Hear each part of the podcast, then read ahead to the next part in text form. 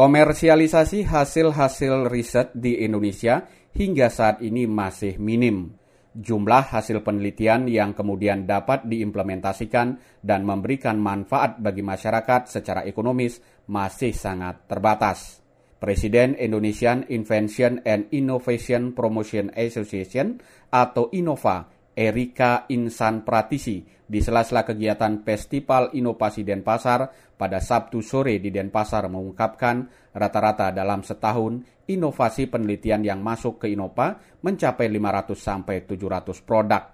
Namun yang dapat ditindaklanjuti untuk diimplementasikan kurang dari 10 persen di mana salah satu tantangannya adalah belum terbangunnya komunikasi antara inovator dan investor. Seperti ke investor, ke pemerintah, ataupun ke manufaktur-manufaktur yang ingin membantu si inovator ini untuk memarketkan pasarnya. Yang ketiga adalah lebih ke motivasi diri dari si inovator sendiri gitu untuk membuat sebuah produk. Terkadang hanya berhenti sampai pada award, pada pemberian penghargaan. Dalam upaya memanfaatkan hasil penelitian para peneliti remaja di Denpasar, pemerintah Kota Denpasar menargetkan ke depan seluruh program kerja organisasi perangkat daerah atau OPD di lingkungan Kota Denpasar berdasarkan hasil penelitian.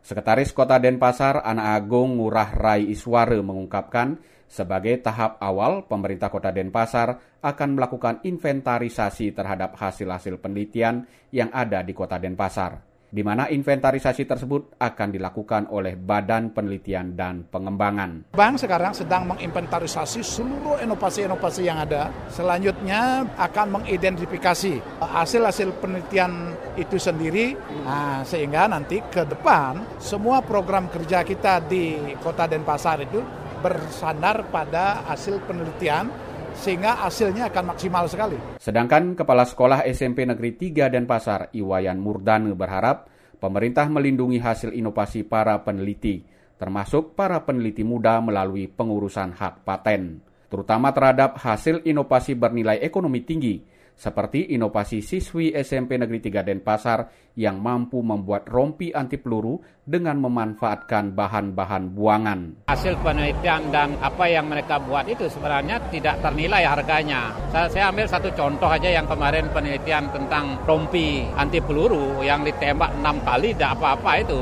Artinya kalau memang itu uh, bisa diproteksi oleh pemerintah dan ditindaklanjuti itu kan merupakan aset negara. Murdana berharap hasil-hasil penelitian tidak terhenti pada lomba, tetapi ditindaklanjuti menjadi sebuah produk yang berguna bagi masyarakat. Selain itu, pemerintah juga diharapkan memberi dukungan pendanaan bagi peneliti pelajar yang potensial serta membantu peralatan laboratorium untuk mendukung proses penelitian. Pendengar, demikian tadi sedikit catatan tentang komersialisasi hasil penelitian. Semoga bermanfaat bagi kita semua. Saya Mulyarte, salam.